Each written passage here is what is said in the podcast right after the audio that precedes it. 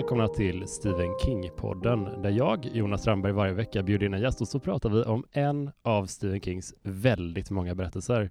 Och jag ber om ursäkt på förhand, jag är lite hesare än normalt idag eh, om man är en trogen lyssnare som undrar varför det låter så raspigt om rösten.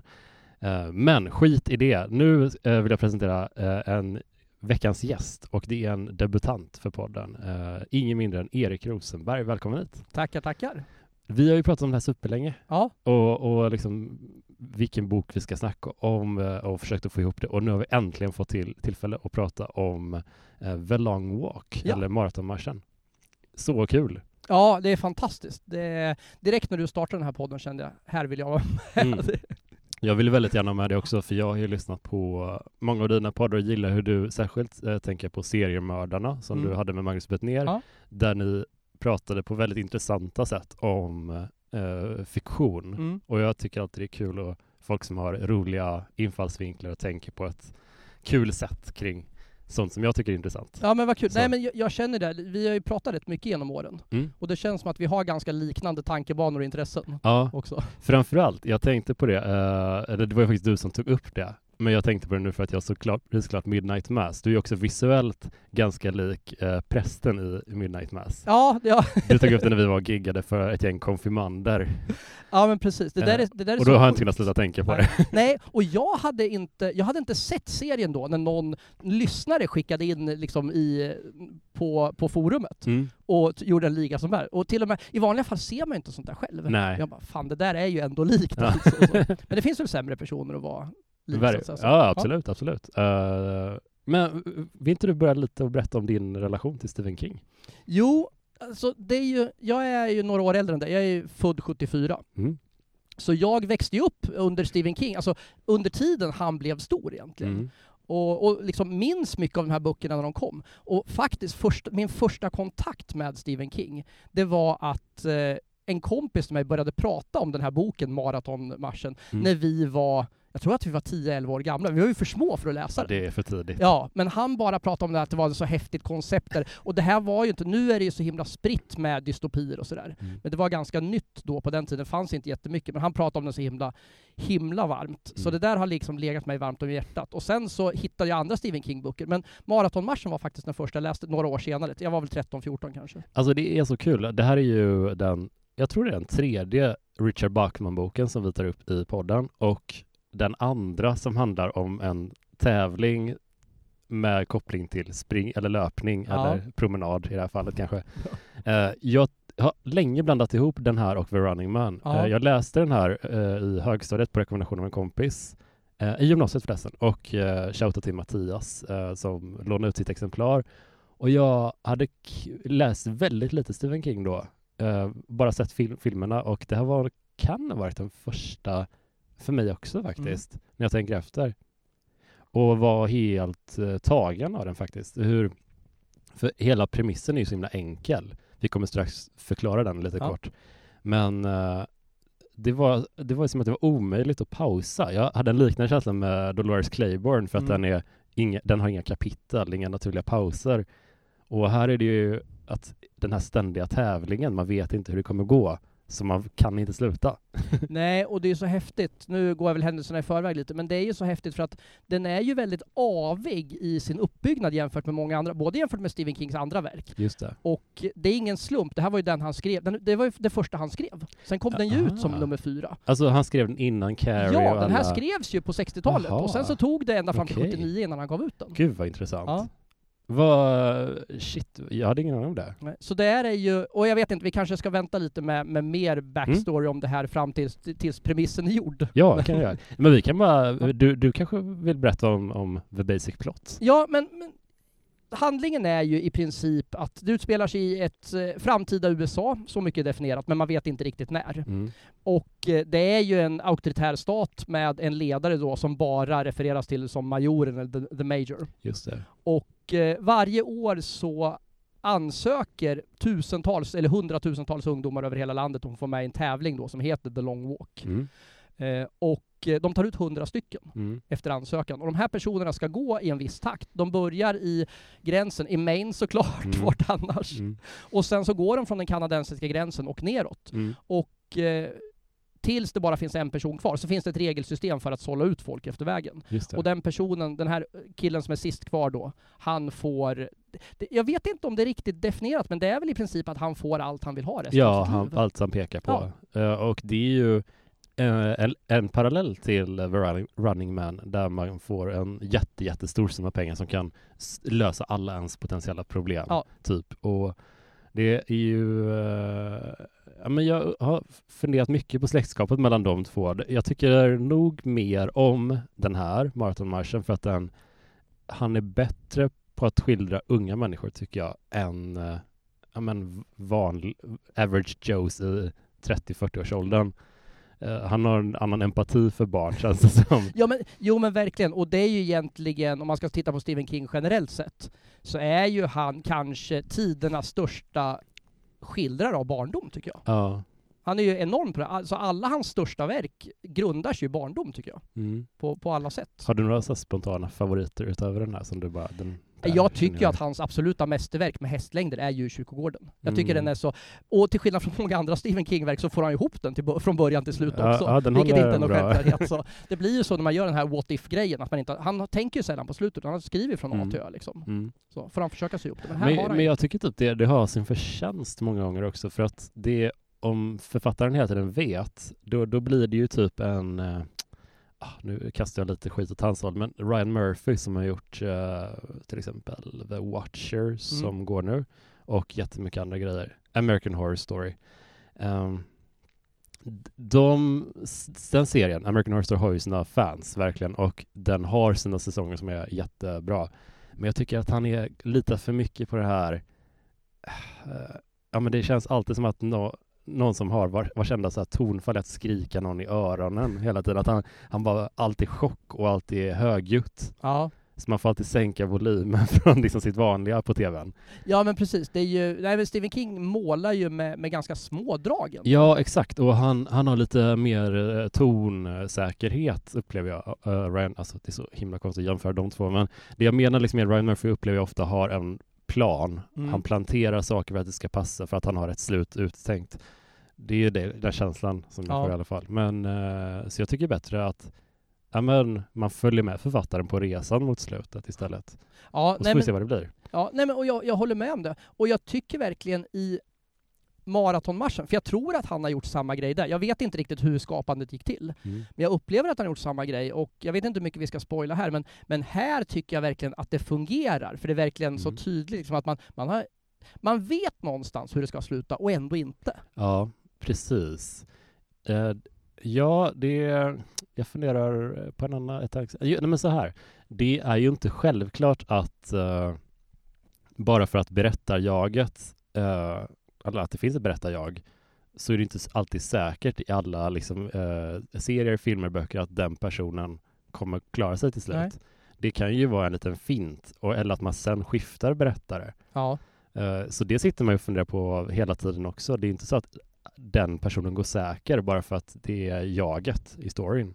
Nej, nej verkligen. Och det där var, det där var något som min son lärde mig, det här begreppet plot armor. Mm. Som jag aldrig hade hört talas om. Men det är egentligen när det finns eh, författare och screenwriters av olika slag som skyddar sina karaktärer. Man vet de här killarna kommer inte, de har en ja. plot armor på sig. Ja. Och jag gillar ju författare som skriver så att man vet att här kan vem som helst ryka. Ja, faktiskt. Det är ju en jag tror det var väl en av, eh, en av grejerna folk gillar med typ Game of Thrones, att uh, det kändes som att, uh, ja men, det är Sean Bean som är huvudpersonen i den här serien. Va? Sen i säsong två är han typ inte, han, inte, han dör väl i säsong ett? Ja, han dör i slutet av ettan. Ja, alltså, ja. alltså så här, så det, det är ju väldigt roligt på ett sätt också att man kastar in en person som är en känd skådis från en annan känd fantasy-franchise. Det är väl klart att det är ja. the main guy.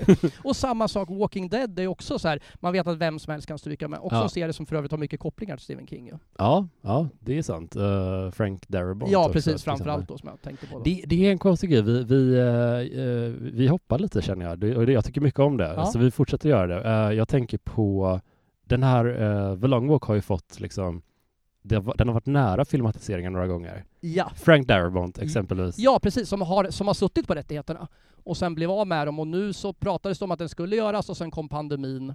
Och jag försökte läsa in på, det finns inga tydliga tecken på vart de är, vart de är i den där produktionen. Nej men det är så konstigt, det, är ja. den, det kan vara den billigaste filmen man kan göra. Ja, och jag tänkte på det, får jag göra en liten avstickare här? Ja, ja, jag har tänkt på någonting som chockade mig oerhört mycket. Dels är det så här, den är billig och därför tror jag också att den kan bli väldigt svårfilmatiserad. Ja. För att den är så enkel. Ja. Men jag tror också att den skulle vara så jävla bra som Mm. teaterpjäs. Ja, Den skulle ja. göra, vara genial som en teaterpjäs. Faktiskt, eh, definitivt. Vilken bra idé. Det, det, det kanske är dit man ska ta den. Ja. Men, äh, men jag, jag kan ju fatta om varför en så här en, en dyr, eh, ja men eh, säg typ så här. Ja, jag kommer inte på något bra. Men eh, om, om det är aliens eller om det är synbara monster, då måste man hitta ett sätt att lösa det så det Mm. blir bra. Här är det liksom, det är hu- hundra kids som promenerar och några vakter. Och allt bygger ju egentligen på den här dialogen, både det som sägs och det som inte sägs mellan dem Mm. egentligen. Det värsta som skulle kunna hända den här boken, känner jag, är att det blir en serie eller en miniserie. För det behöver det inte bli. Det kan bli en 90 minuters film typ. Ja, det... Som är spännande Ja. hela tiden. Vi kan ju dra det där ännu längre. Det absolut värsta som skulle kunna hända, det är att den hamnar i händerna på någon som gör en ny Running Man. Nej. Alltså att man tar det och så finns det ingenting kvar av Åh, originalet man sen. bara... Ja. Alltså, jag tänker att det är för och nackdelar med att King är så himla mjuk mot eh, de som väljer att filmatisera hans verk nu. Det är ju fint för att han känner lite så här, ja men du gör din tolkning av min story. Men samtidigt, han kanske borde vara lite hård ibland. Ja. Men eh, ja, man undrar hur det kommer bli. Ja men det finns ju en, jag hade, nu ska jag säga, jag har faktiskt fuskat lite här. Den, just nu så ligger rättigheterna hos eh, en kille som heter James Wanderbilt. Jag vet inte om Mm. du känner till honom? Bara by name. Ja, han har rätten, rättigheterna till att skriva och producera. Okej. Och han är väl mest känd för Zodiac och eh, han har även gjort de här Spindelmannen-franchisen med James, Andrew Garfield. Jaha, okej. Eh, och sen så som regissör så är det tänkt att det är en norrman som heter eh, André Övrevik, tror han heter. Eh, reservation Ja. för att jag kan ha efternamnet fel där. Ja, Han ja. gjorde Trolljägaren och sen har han gjort den här serien som heter Scary Monsters to, eh, to Tell in the Dark. Trolljägaren, den tyckte jag var bra. Jag tyckte den var fantastisk. Jag älskar Trolljägaren. Ja men den, om man inte har sett den, det är premissen, är- det är väl found footage typ va? Ja, Och, och så det handlar om liksom, eh, ja men, um, nu spelar sig i Norge och de ska spåra upp olika troll. ja, en Blair Witch fast med, Ja. med, troll, med en trolljägare. Och den är, det, det, är- det, är- är bara för att det låter så roligt, man säger troll så det, låter så fånigt. ja. Men jag tyckte den var riktigt ja, och den, välgjord. den funkar! Ja, jag det är tror- det jag som är tror det. Är så, och det är ju en, en skräckkomedi. ja, Som verkligen, nej jag Nej, jag tyckte den. den var, Ja. var roligt att du också fastnade Ja. för den. Och så börjar man direkt, som, som när man börjar spåna så här, men vem ska spela då? Ray Garrett som är huvudrollen. Ja. Och så inser jag att det kommer sluta med Timothy Chalamet. Ja. Ja, men det är, jag har lite en sån känsla att det är, det, är, det är lite för vackra människor som eh, får spela huvudrollerna. ja, Eller, eller så är det så att de blir vackra när de har fått göra mycket film. Att man känner att de är snygga bara för att de har gjort mycket stora roller. De får en utstrålning Ja. kring sig. men jag tror att det här är en typisk sån film, de letar fram ett gäng nya, nya personer. Jag hoppas att de inte håller på du vet, och sätter upp en massa överåriga människor som Harry Styles med mera. Nej, det men som de gjorde med, med Napoleon Dynamite. eh, där, där är ju liksom, det kanske också är en del av skämtet antar jag. Men det är ju många av hans high school-kompisar ser ut att vara i 35-årsåldern. Men det är ju också en fantastisk film. Ja, jag älskar den. Ja. Den är, den är fin. Nå- någonting som jag upptäckte nu när jag researchade lite, Mm. det är att jag trodde att filmen Battle Royale, Mm. Eller boken Battle Royale, Mm. var mycket äldre än vad den var. Mm. Men den kom ut eh, 20 år efter maratonmarschen. Okej. Och han som skrev den sa att han var så starkt influerad, för det var hans favoritbok. Och då kan man börja inse hur stort påverkan maraton... För då hade, utan Ja. maratonmarschen inget Hunger Games till exempel. Vilken intressant uh, take ändå. Eh, eller jag, jag har inte tänkt på det på det sättet. Det känns ibland som att uh, vissa av de här dystopierna, att King kanske hittar saker i sin uh, omgivning och bara det här vill jag göra en version av. Ja, Men det här är ju en, en ganska originell skapelse då. ja. Ja. Som verkligen liksom har satt standard för en massa saker som jag tror inte folk liksom har tänkt på så mycket. Nej, nej men uh, det jag tänkte på med den här var att hela, nej, hela premissen för storyn, att de ska, ta, de ska promenera, de ska gå tills det bara finns en kvar som inte har orkat med. Och he- eh, de får liksom, om de går under en viss hastighet, eh, jag kommer inte exakt Jag tror att det är fyra miles per hour. Ja. Då, om de går under den då får de en varning, tredje varningen så skjuts de. Ja. det finns lite andra regler kring det Ja, också. och sen om de går en timme ut felfritt så, så stryks en varning Ja, också. men man tänker så här spontant på, ah, men hur svårt kan det vara att promenera i ett tempo? Ja, fast om man bara vet liksom, eller jag måste bara hålla mig kvar. Jag vet inte, det är ingen sträcka jag har. Nej. Jag ska gå hem från den här platsen. Det är Men tre kilometer. Du känner till konceptet fotrally? Nej, vad är det? Det här är en svensk företeelse som kommer, alltså som är grundad direkt från maratonmarschen. Okej. Att det är några entusiaster som för ett antal år sedan bara bestämde sig för det här kan vi ju iscensätta. Det här kan man göra på ett schysst sätt. Jaha. Att man bara kollar och sen så där, när folk liksom ger upp så, så är man diskad. Ja. Och den som går sist, det finns inget slut. Den som går sist vinner. Shit. Och så satte, satte, man upp det där och så har de en bil som åker, en ledbil, Ja. en lastbil med en bajamaja uppe på. Så du får en timme per dygn Ja. som du får sprida ut hur du vill. Ja. Alltså du kan vila, du kan knyta skorna, du kan gå på toaletten. Mm. Och sen ska du gå resten av tiden. Oh. Och jag tror att det är rekord, och det är ett gäng svenskar, det är 100 svenskar om året som ställer upp. Ja. Och, sen, och det är ganska li, jag tror typ första priset är typ så här 25 000 kronor. Har du deltagit någon gång? Nej, jag har inte deltagit. Jag har varit sugen på att göra det. För det är ändå lite roligt. Jag tror att no- de sa att första...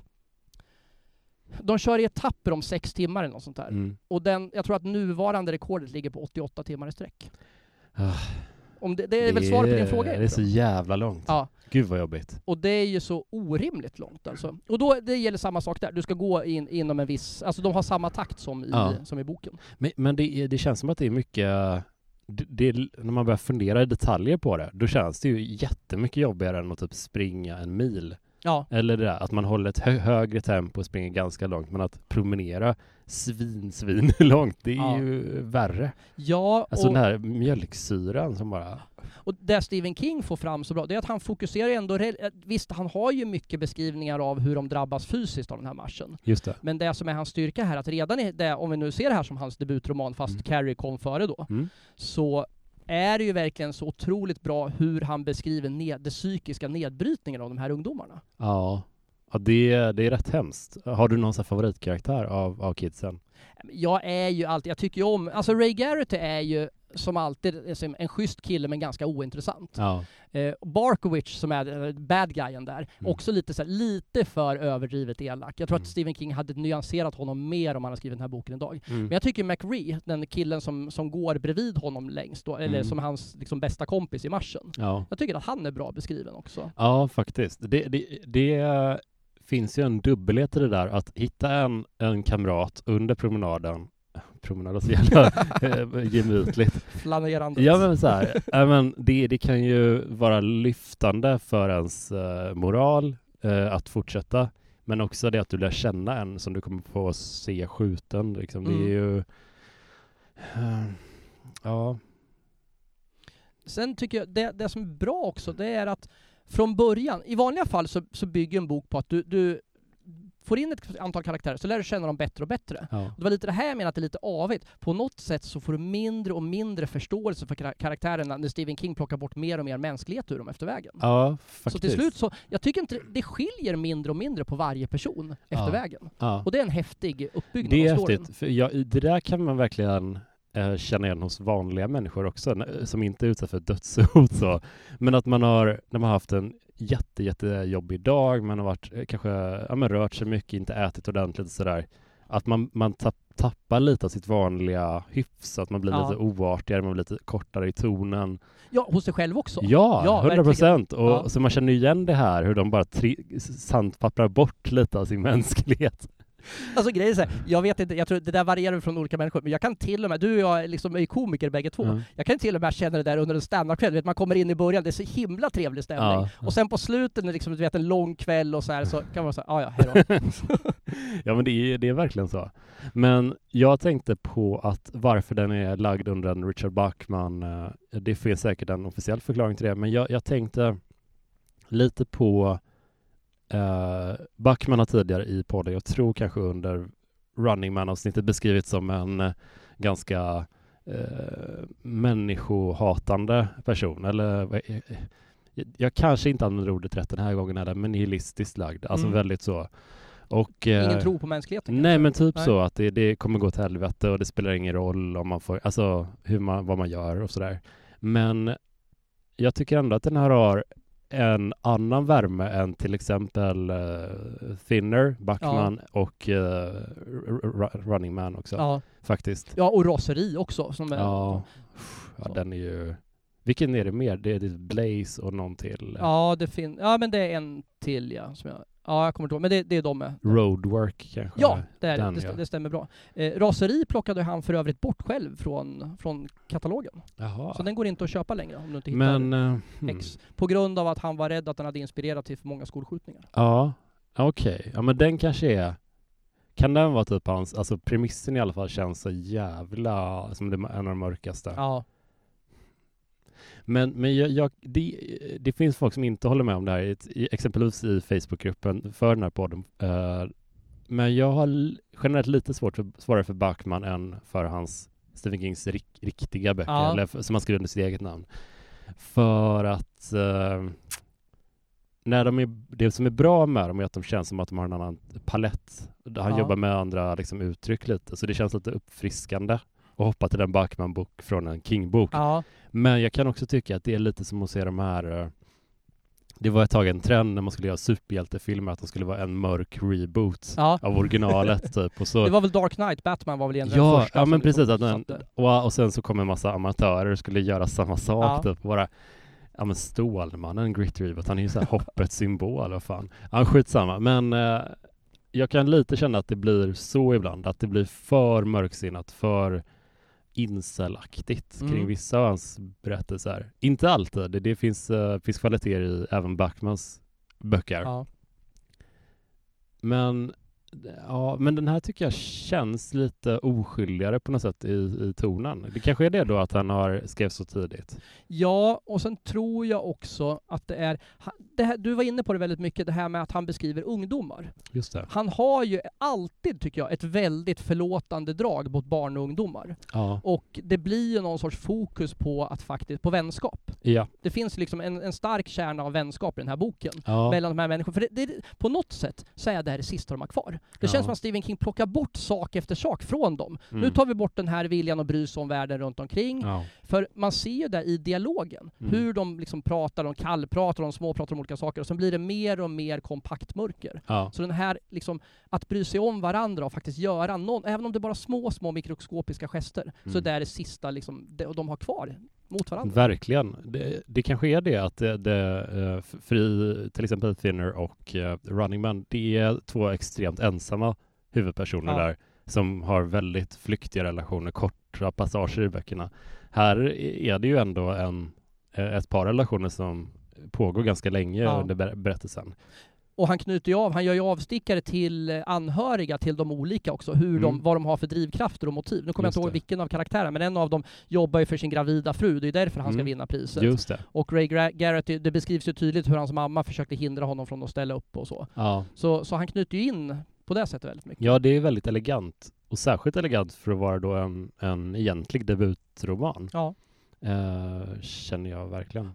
Och sen vet man ju inte hur mycket han har slipat till den efteråt. För som sagt jag tror den kom som nummer fyra eller något i hans, eh, i ja. hans backkatalog egentligen. Men jag tänker också det att eh, i förra avsnittet så pratade jag med Björn Karlsson om eh, The Gunslinger, mm. första boken i Dark Tower-serien. Och där finns det, den versionen vi har läst, den hade King slipat och polerat väldigt mycket.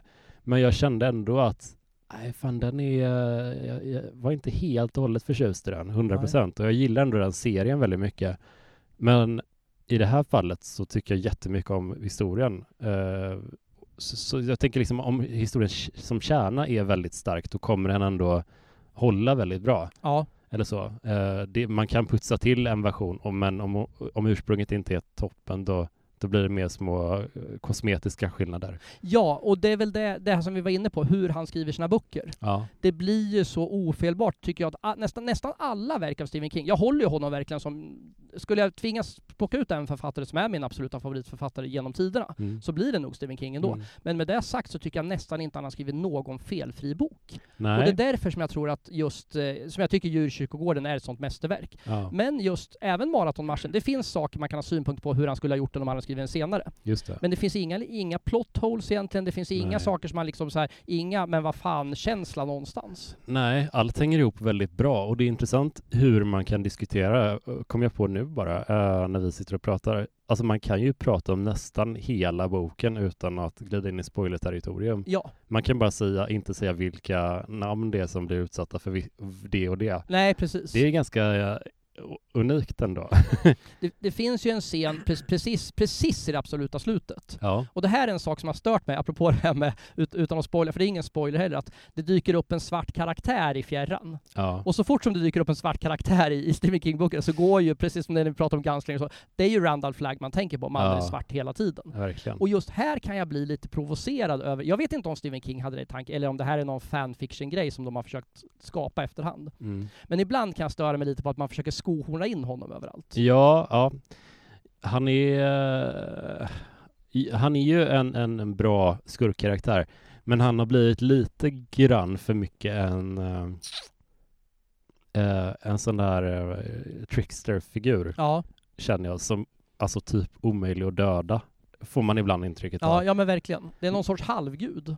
Ja, så kan det vara. Eller så kan han vara att han, att han, att King har ett där är det, det kanske är en etablerad teori, men med min senaste hobbyteori är att King jobbar mycket med multiuniversum, ja. liksom så multiverse, och uh, särskilt uh, grundat i uh, Fairytale, då var det lite små paralleller, blinkningar till andra verk som, som inte är in your face, men som gör att man känner att det här kanske är en version av det här universumet. Ja. Så ibland får jag känslan av att Randall Flagg kanske inte är exakt samma person utan det är flera universum där det finns en Randall Flagg-version och det är därför han skiljer sig lite. Ja. Också för att han ibland i, i till exempel uh, The Stand så återföd, eller då, då har han minnen av förflu andra liv mm. liksom. Men sen när han, han kommer inte ihåg exakt vad det är som har hänt. Och jag känner lite att det, i och med att han skiljer sig så mycket från varje appearance han gör i en Stephen King-bok, då känner jag att, men även om man inte kommer ihåg vad man har gjort, man är väl ändå, har väl ändå en kärna av samma personlighet av sig själv. Ja, men väl, precis. Uh, när han kastas in i uh, drakens ögon eller uh, Dark Tower och sådär. Så ja, men jag håller med dig, han är lite, lite missbrukad. Men det var också ganska länge sedan han användes ordentligt nu. Ja, ja och jag har ju tyvärr inte, jag är ganska dåligt inläst på Stephen Kings senare verk. Mm. Och vi pratar alltså egentligen efter millennieskiftet och framåt. Så jag läst det mesta mm. som har gjorts innan det. Så jag vet inte riktigt hur mycket som han har figurerat därefter. Men då är ju vi men då har ju vi typ uh, ingen, nästan ingen överlappning. Vi har så några nedslag, men det är ganska kul då. då men, men uh, nej, men jag skulle väl säga att hans allra bästa framträdande är fortfarande i Pestens tid. Mm. Även om man är en stor skurk i Dark Tower-serien så nej, det, det, det är väldigt lite som slår den typen av, för det är en sån tydlig eh, det goda mot det onda ja. polarisering i den. Så att det och, går ju inte att Ja. ja nej, men och pratar vi mästerverk, jag tycker Pestens tid är också en av hans absolut största. Det är, det är ja. nog få böcker som han har skrivit som har golvat mig så mycket som jag liksom har fått veta känslan efteråt, liksom vad var det jag just läste? Ja, och det är så snyggt hur den är uppbyggd att, att han slänger in jättemånga karaktärer som han hoppar mellan och sen så precis när man börjar känna att nu börjar det bli lite många att hålla koll på, då kommer ett sånt summerande kapitel att det här hände samtidigt som det här hände, som du kommer ihåg från de tre kapitel sen, så man får en sån liten tidslinje. Mm. Uh, det är väldigt elegant. Och för att återgå lite till, till maratonmarschen. Mm. Jag tycker det där är en av Stephen Kings stora styrkor, persongallerierna. Ja. För han är väldigt duktig. I den här boken så är det egentligen bara fyra, fem killar som är huvudpersonerna. Mm. Sen kan han gå ur och så kan han beskriva en person på bara två, tre rader så det känns som att man känner den här killen. Ja. Han lägger in ett namn och sen bara två meningar om vad det här är för typ. Så bara, ja men just det, det är en sån kille. Ja, och sen det... försvinner han ut ur handlingen. Men det är så till synes enkla grepp att berätta vad någon eh, vad någon gillar för godis eller sådana ja. grejer. Det är så himla humaniserande verkligen. Ja, eller bara ett klädesplagg till ja, exempel. Ja, verkligen. Att det säger så mycket om hur den, ja, ja verkligen. Och det, nej, det där, det där gillar, jag, gillar jag skarpt faktiskt. Eh, och sen är det ju också, han har ju ganska, alltså skräcken i den här boken, för det är ju ändå någon sorts halvskräckthriller mm. just i den här dystopin. Men skräcken bygger väldigt mycket på, dels det psykologiska jag pratar om, men han, han går ju inte in så mycket, det är inte så mycket orger i i blodigheter egentligen, Nej. med några få undantag. Det är sant. Och en grej som, som slog mig, om man drar parallell, paralleller till till exempel uh, uh, Hungerspelen, att den här är ju mycket, mycket otäckare just för att de väljer själva uh, att söka till den här ja. tävlingen. Det gör de ju inte, då dras ju de och sen så ställer Katniss upp för sin syster. men i, i originalutförandet så, så lottas man fram mot sin vilja och då är det lite mer som att, jaha, det blev jag. Vad ska jag göra? Jag gör väl det bästa situationen. Ja. Men om man söker sig till det, då, får man, då är det mer av en skyll dig själv ja. sen. På något jävla mörkt sätt. Och det kanske är det som gör att det är mer av en Backman-bok, lite det här, ja, du valde faktiskt det här, att, att, att människor ofta väljer fel och att man inte vet, alltså jag vet inte.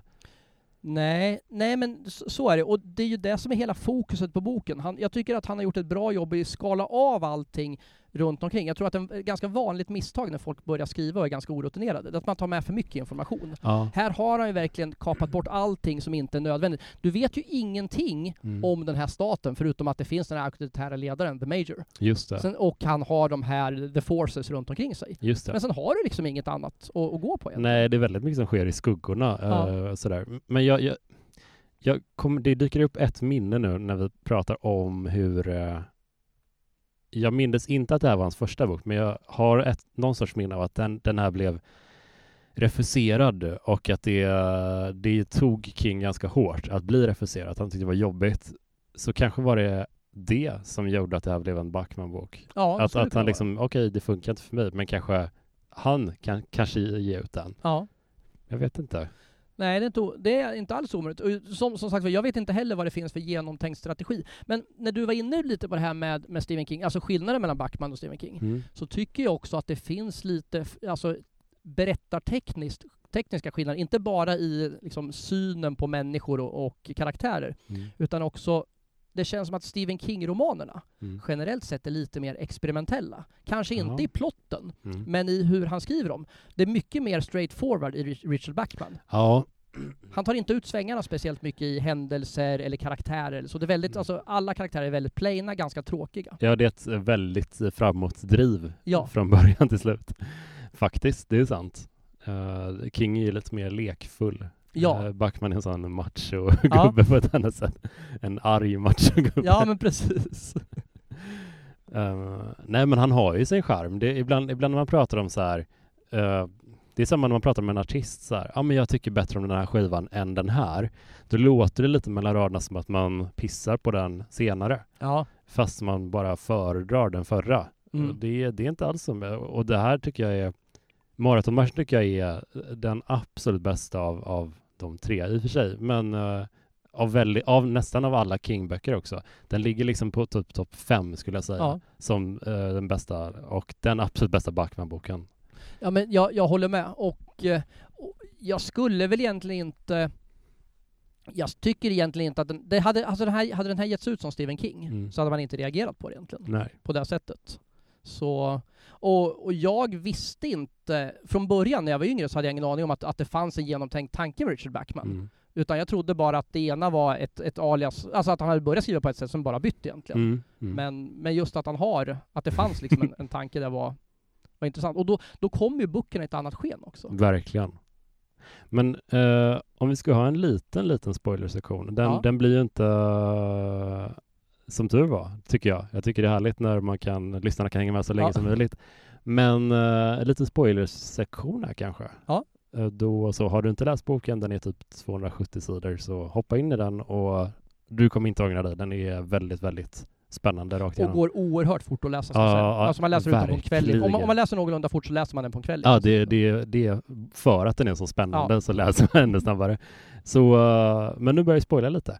Vad tycker du om sluttampen när det är eh, ett väldigt litet antal deltagare kvar? Liksom? När, när börjar du känna liksom att eh, Uh, ja, men vad tänker du kring slutet? Jag ska inte ha så ledande frågor. Vad tänker du kring slutet? Nej, men jag tycker slutet är... På något sätt så är det... Det är något av en besvikelse, slutet. Mm. Uh, det är ju... Får jag berätta ungefär hur det går till? Utan ja, du kan berätta ja. exakt hur det går till.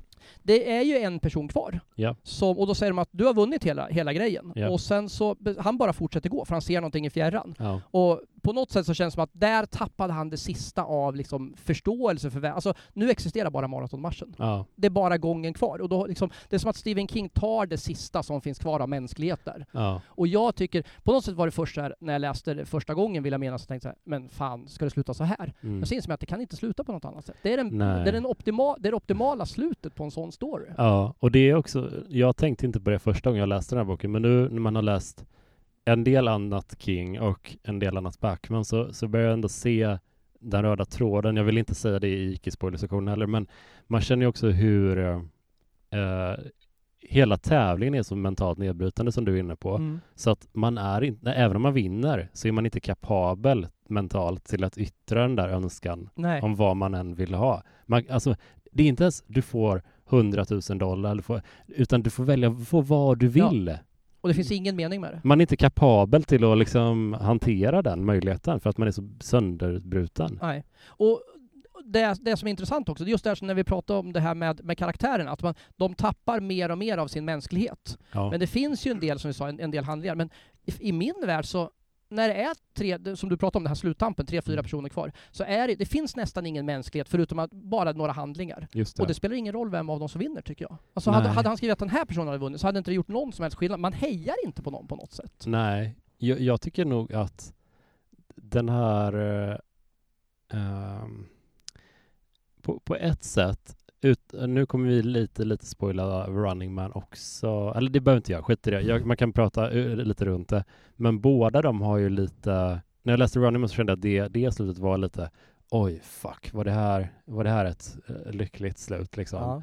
Men uh, i jämförelse med, med maratonmarschen så känns det lite lyckligt. För att det är ju ingen som, uh, vad ska man säga, den här diktaturen rubbas ju inte i maratonmarschen. Nej. Det, händer, det kommer ju bara fortsätta vara så här. Man hade hoppats att han skulle till exempel beordra eh, majoren att skjuta sig i huvudet eller någonting. Det hade han ju förstås inte gjort. För, för alltså det, han känns ju som en sån Putin-figur ja. som bara lovar liksom och sen så händer det inte så mycket. Eller som, ja jag vet inte. Hur, hur långt tror du att han hade, han hade sträckt? För att det här är ju inte den första maratonmarschen som har skett. Nej, de pratar ju lite om gamla vinnare genom, genom och vad, vad som har hänt och så. Ja, så. ja. Och jag minns inte exakt eh, den biten. Vad, vad tar, de, tar de upp att folk har liksom ja, det, eh, cashat det, det in ganska, sina priser? Eller? Jag har för mig nu, jag, jag, kan, jag kan minnas lite fel, men jag har för mig att man bara pratar i svepande ordalag om ja. att de levde typ eh, lyckliga alla sina dagar. Det går ju också att plantera sådana rykten i en diktatur. Ja, exakt. Det finns ja. ju liksom väldigt lite historia bakåt där också. Och någon gång så hänvisar de till någon som inte ens lyckades, vet, som inte ens fick, började gå. Han blev skjuten ja. på startlinjen oh. också. Oh, fuck. Och det där är också sådana här, såna här trigger som han lägger in, så här, undrar hur jag ska reagera där. Ja, ja men det, det är också sånt som går, alltså jag, tror, det, jag tänker också hela tiden nu i, i form av en diktatur för att de, det känns som någonting de kan ha spridit ut också. Så att deltagarna ska känna lite att ah, jag kommer i alla fall igång. Att de ska få lite tävlingsinstinkt typ. Ja. Uh. Ja men precis, det, finns ju, det känns ju som att det finns en väldigt stort PR-maskineri bakom i hur, de, hur den här staten har hypat upp maratonmarschen, mm. som det ska vara det största som har hänt. Man undrar hur rolig den är att titta på dock. Ja, och det där, jag får ju atmosfäriskt, alltså den känslan som han bygger upp. Ja. Det närmaste som jag kommer, det är ju boken The Road. Ja. McCormacks The Road. Ja. Och den filmatiseringen, som verkligen är också så totalt nattsvart. Verkligen. Eh, det blir väl någon sorts spoilers, men icke-spoiler också. Men det finns, ju, det finns ju i princip inga ljusglimtar i den heller. Nej. Och den här har ju samma stämning som att det finns lite ljus i början, och sen blir det bara mörkare och mörkare och mörkare. Ja. Och sen så tänker man så här, det ska ju vända någon gång. Men det gör ju aldrig. Nej, det är så jävla hopplöst. Men det är, jag tycker det är kul att både du och jag blir introducerade till King via den här boken. Mm det, det känns lite otippat ändå. Alltså det är, lite, det är inte en sån bok som alla, någon skulle namedroppa, säg tre King-böcker, den här skulle inte komma upp tror jag. Nej, och när man flesta. pratar om den så är det ju väldigt, alltså jag tror att du ska gilla King för att känna till boken överhuvudtaget. Mm. Så att vara en, en King-läsare. Ja. För när jag pratade med kollegor om att jag skulle hit idag, mm. så, jag, säger jag, jag ska prata om den här boken, de inte, det känner de inte till. Men Nej. de kan ju nämna tio andra Stephen King-verk. Ja, ja verkligen. Så. Nej, jag tycker det var intressant och jag känner ändå så här lite, lite hoppfullhet att, att man kan gilla hans Backman-sida också. Sådär mm. att, att det inte är lika ung, arg ung man som inte får ligga så mycket känsla över formuleringarna och, och sådär jag tror ju också att en anledning till att den här boken inte är så stor, det är just det vi var inne på tidigare, mm. att den inte har filmatiserats. Ja. Hade, kommer en filmatisering så kommer den få ett helt annat genomslag. För det är ju, Stephen King är väl den mest filmatiserade författaren i, i historien? Mm, ja, det måste han ju vara. Tror jag. Jag har för mig att det finns typ 300 adaptioner eller något sånt där. Och det är väldigt få av hans böcker som inte har filmats i någon form. det är så sjukt. Till och med, just du nämnde Roadwork, den ja. har ju också diskuterats som att den är under produktion nu. Oh, och det är väl den enda av de här gamla som är kvar förutom den här? Ja, och vissa har ju filmatiserats många gånger om också. Ja. Salem slott är på g med sin tredje filmatisering. Men det är ju också en styrka med att den inte är filmatiserad för att om jag, om jag ska säga, måla upp bilder i huvudet så är det rätt mycket Ja, men när jag läser boken uh, så känner jag liksom, man känner människorna eller huvudpersonerna. Men sen när jag ska tänka, hur ser den här personen ut? Då är det rätt skuggiga ansikten faktiskt. Jag tycker mm. typ om den känslan, att man inte har en exakt bild hur den och den ser ut. Typ. Ja. Så. Jag vet att när Frank Darabont fick rättigheterna mm. så pratade ju han om att han ville göra en lågbudgetproduktion av det. Ja, det hade varit klokt ändå. Mm. Och inte ha några... Man har Darabont, hade, haft, hade man haft honom, då hade man haft honom som stjärnan från skaparen av uh, Shawshank Redemption och uh, Gröna milen. Ja, exakt mm. så här. Och det hade räckt typ. Mm. Och så visar man med en effektiv trailer hur premissen är. Folk kommer bli så hooked. Ja. Och den hade inte kostat någonting, den hade lätt kunnat dra in tio gånger sin budget. Ja. Kolla och, bara på Smile nu som bara krossar Halloween liksom. Det, det är ju stort. Ja. Nej, och, och jag, jag tror ju verkligen också att med Darabont är jag rätt övertygad att det hade blivit en, någon form av bra slutresultat. Mm. Jag kan liksom inte se hur han skulle slarva bort det. Nej, Nej han är ju, han är ju otrolig, mm. verkligen.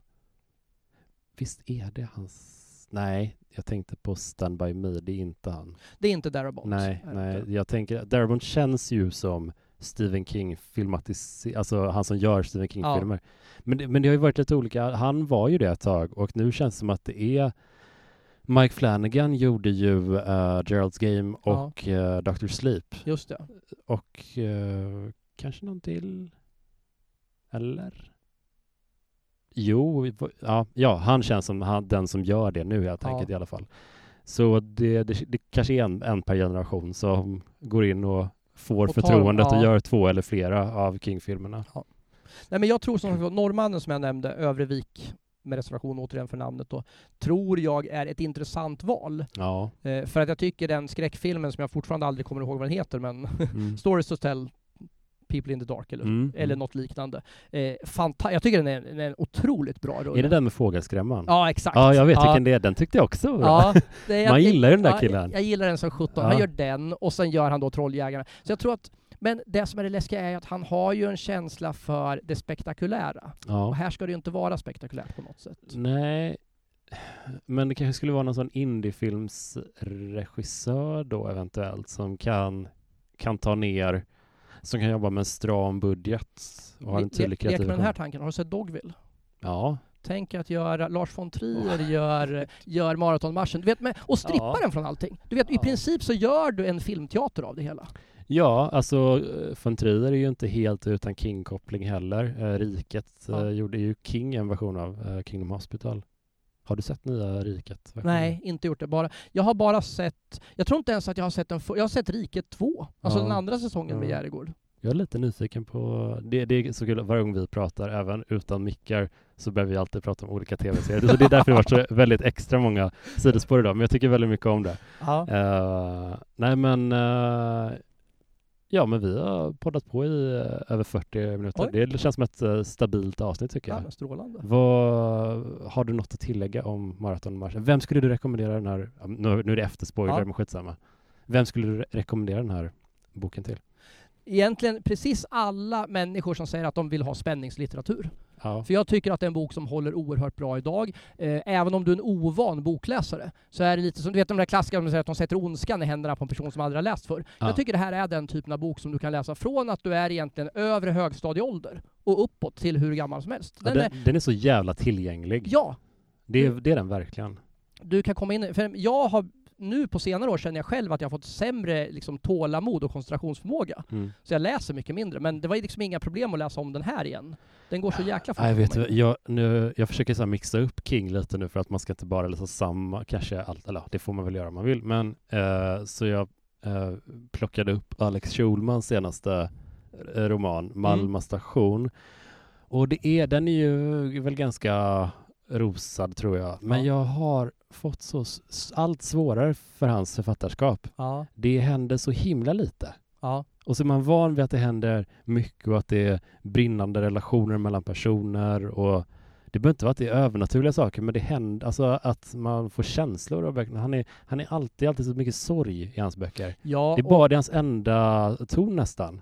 Hans styrka, Schulman, tycker jag, det är ju att jag tycker att han är ju oerhört bra stilistiskt. Alltså han, han har ju extremt en extrem förmåga, en av Sveriges ja. bästa författare. Och, och, jag tycker underskattat, för folk ser honom bara som den här provokatören. Mm. Men när det handlar om ren liksom, romankonst så är han otroligt ja. duktig att skriva. Men jag håller med dig. Ja, men det, det, det är, är inget driv. Nej men det, det, är det, och så jag tror också att om man är lite, ja, men jag, jag tror jag är i en sån period i livet nu där jag inte riktigt har jag kan inte, har inte riktigt marginalerna för att läsa en jättesorglig skildring av någonting, så jag bara, men du, ja, du får ligga på bordet så länge så kanske du, man kommer tillbaka till den här boken när man har li, är lite piggare och gladare i sinnet. Men uh, jag kan ju absolut se det du säger också. Han är ju otroligt språksäker ja. och uh, det, det är väldigt behagligt att läsa hans böcker. Um, och jag tyckte ju mycket, mycket om hans debutroman också. Så uh, jag kommer ju läsa klart den, Malmö. Mm. Den är ju väldigt snyggt skriven. Alltså strukturen mm. är otroligt kreativ. Så Ja, men ja. Jag, jag, ska läsa den också. Och jag är väldigt sugen på, på att gå och se Bränna alla mina brev nu också, filmatiseringen. Ja, verkligen.